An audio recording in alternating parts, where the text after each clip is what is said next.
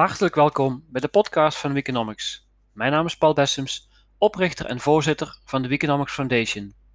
De titel van podcast nummer 7 is De mens is niet het enige experiment van de natuur. Een bos kent geen overbodige bomen, maar een supply chain wel overbodige bedrijven. Een bos ontstaat omdat bladeren zonlicht zoeken en wortels water.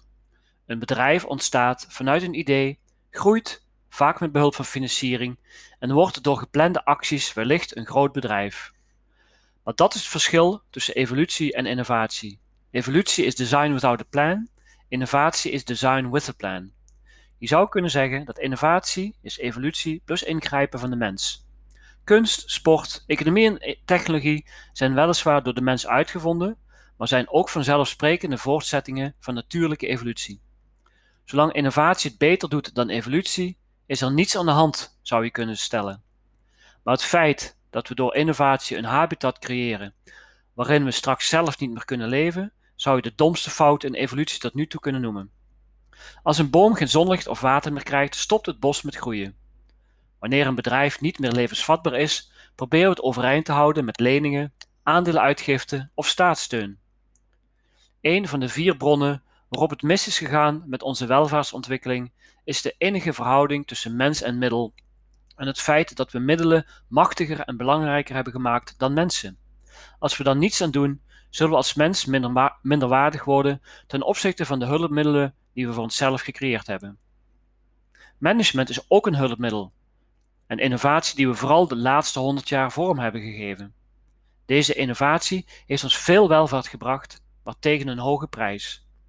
Traditioneel management is onderdeel geworden van een systeem waarbij we niet langer voor onszelf werken, maar voor een ideologie, een systeem dat voortdurende economische groei nodig heeft.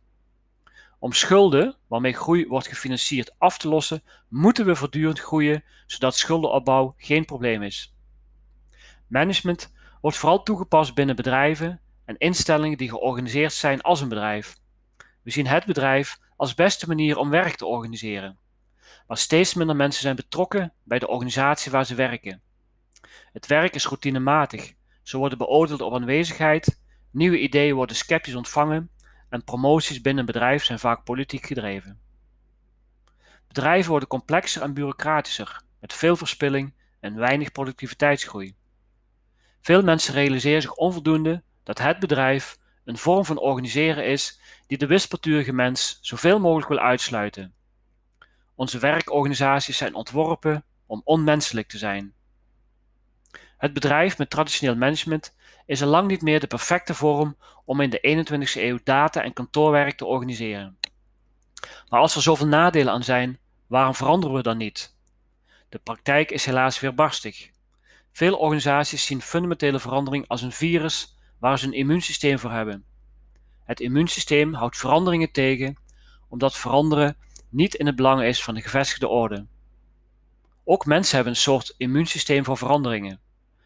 Zo zijn we bijvoorbeeld verslaafd aan routines, is verspilling niet altijd zichtbaar en zijn mensen zich niet bewust van hun actieve inertie. Of, zoals Johan Cruijff het formuleert, ik heb een vreselijke hekel aan iemand die beweegt, maar niet weet waar naartoe. Er zitten veel managementlagen tussen degene die kan zien of iets wel of geen zin heeft en degene die erover beslist en de bureaucratie neemt alleen maar toe. Gemiddeld is het aantal mensen in management- en staffuncties sinds de jaren 80 meer dan verdubbeld. Het is aantrekkelijk om ervan uit te gaan dat bureaucratie en daarmee verspilling onvermijdelijk zijn. Maar er zijn genoeg voorbeelden van bedrijven die goed presteren zonder verspilling en bureaucratie.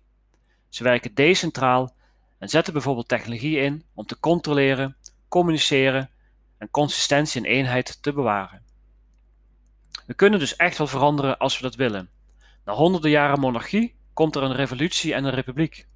Slaven- en kinderarbeid vinden we niet normaal en worden afgeschaft. De vrouw is lange tijd onderdrukt in de patriarchale cultuur, maar dat vinden we niet normaal. De verbrandingsmotor heeft lange tijd haar diensten bewezen, maar zijn we nu aan het wegorganiseren. Waarom zou het bedrijf als ideaalvorm dan ook niet kunnen verdwijnen? Het is tijd om toe te geven wat we al langer weten en wat waar is. Onze werkorganisaties staan op gespannen voet met onze cultuur en waarden.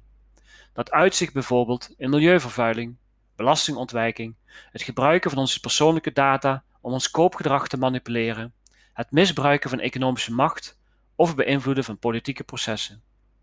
Maar het ergste is misschien nog wel dat bedrijven onnodig onze kostbare tijd consumeren.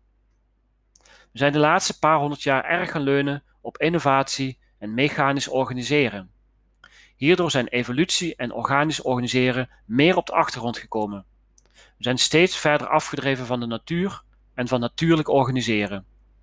Maar wij mensen kunnen niet zonder natuur, maar de natuur kan wel zonder ons. Darwins grootste ontdekking was design without a designer, oftewel evolution is design without a plan. De Britse evolutiebioloog Richard Dawkins formuleert het als volgt: Natural selection is the blind watchmaker, blind because it does not see ahead, does not plan consequences, has no purpose in view. Yet the living result of natural selection overwhelmingly impresses us with the appearance of design as if by a master watchmaker, impress us with the illusion of design and planning.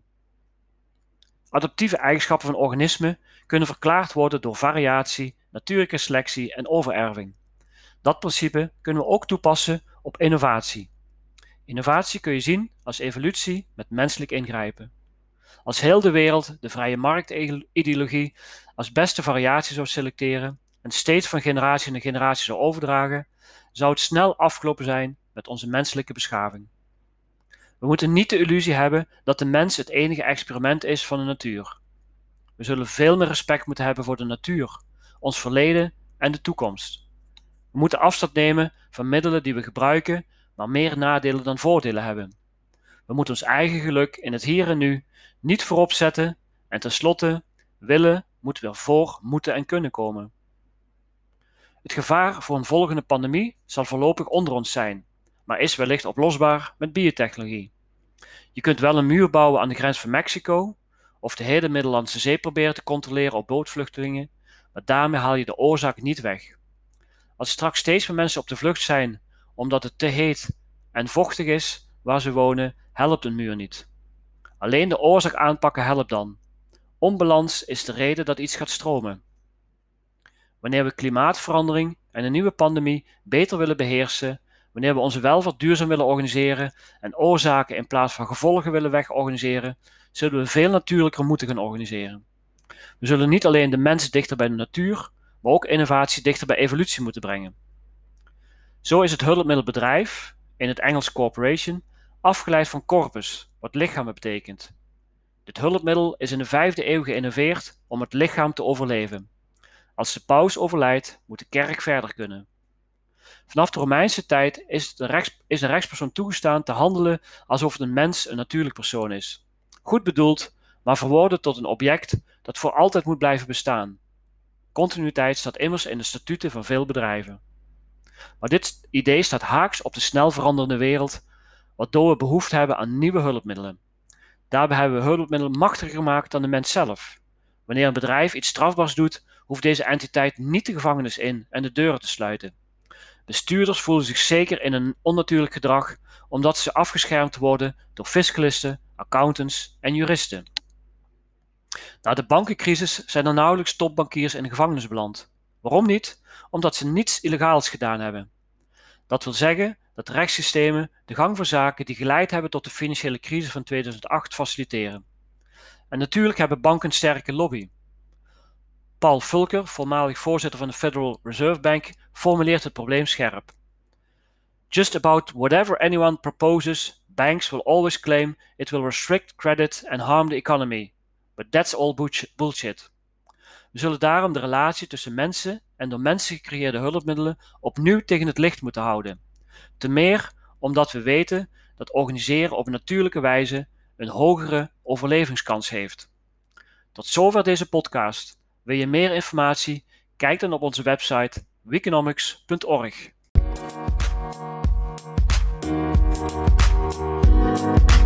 Thank